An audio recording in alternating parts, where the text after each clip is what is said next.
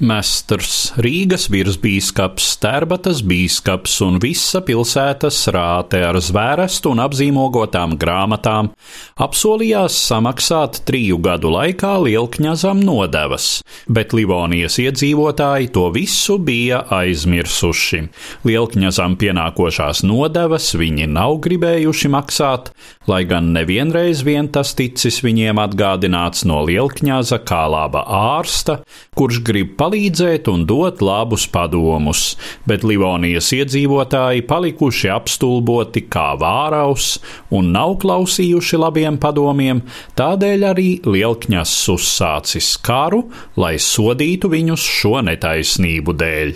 Tā 16. gadsimta Livonijas kronists Baltazars Rusovs savā vēsturiskajā darbā raksturo iemeslus, kas tolaik kļuva liktenīgi tagadējās Latvijas un Igaunijas toreizējiem saimniekiem, Livonijas ordenim un bīskapiem. Krievijas cārs Ivans IV, saukts Bargais, pieprasīja nodevas, kuras Livonija bija apņēmusies maksāt jau viņa priekšgājējam caram Ivanam III.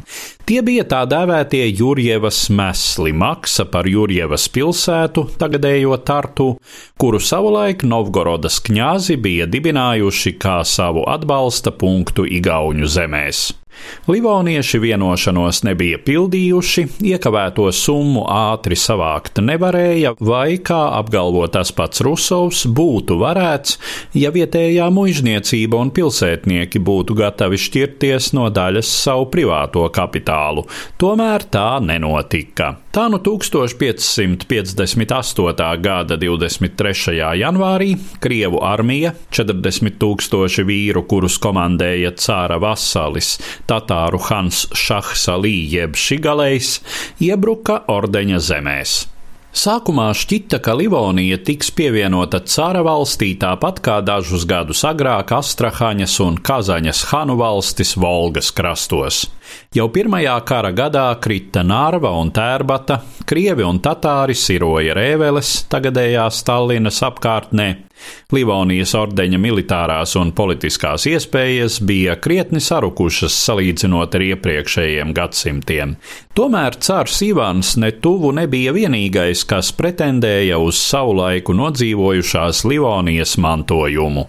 1559. gadā pēdējais ordeņa mestars Gotthards Ketlers noslēdza līgumu ar Lietuvas lielkņazu un Polijas karali Sigismundu II, atzīstot Livoniju par Lietuvas protektorātu. Tai pašā gadā Rēvele atzina par savu lēņu kungu Zviedrijas karali, bet Sāmsalas bīskaps pārdeva savas zemes Dāņu karaļa brālim Hercogam Magnusam.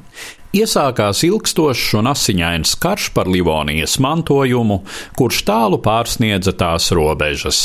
Karā pamatīgi cieta Krievijas rietumu un dienvidrietumu apgabali, kur iebruka lietuvieši un zviedri, malā nepalika arī Krīmas Hāns, kura armija 1571. gadā ieņēma un nopostīja Maskavu. Krievija, kas uzsāka šo kāru ar spožām izredzēm un lielām impēriskām ambīcijām, galu galā izrādījās tajā visvairāk zaudējusi. Tai nācās slēgt neizdevīgus mierlīgumus ar Polijas Lietuvas Savienību un Zviedriju, zaudējot jau iegūto pieeju Baltijas jūrai.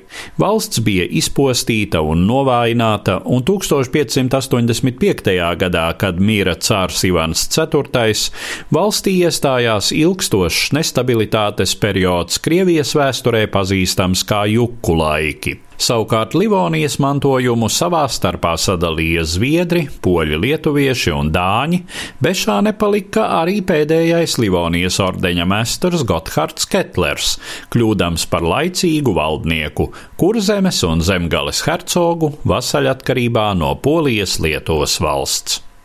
Stāstīja Eduards Liniņš.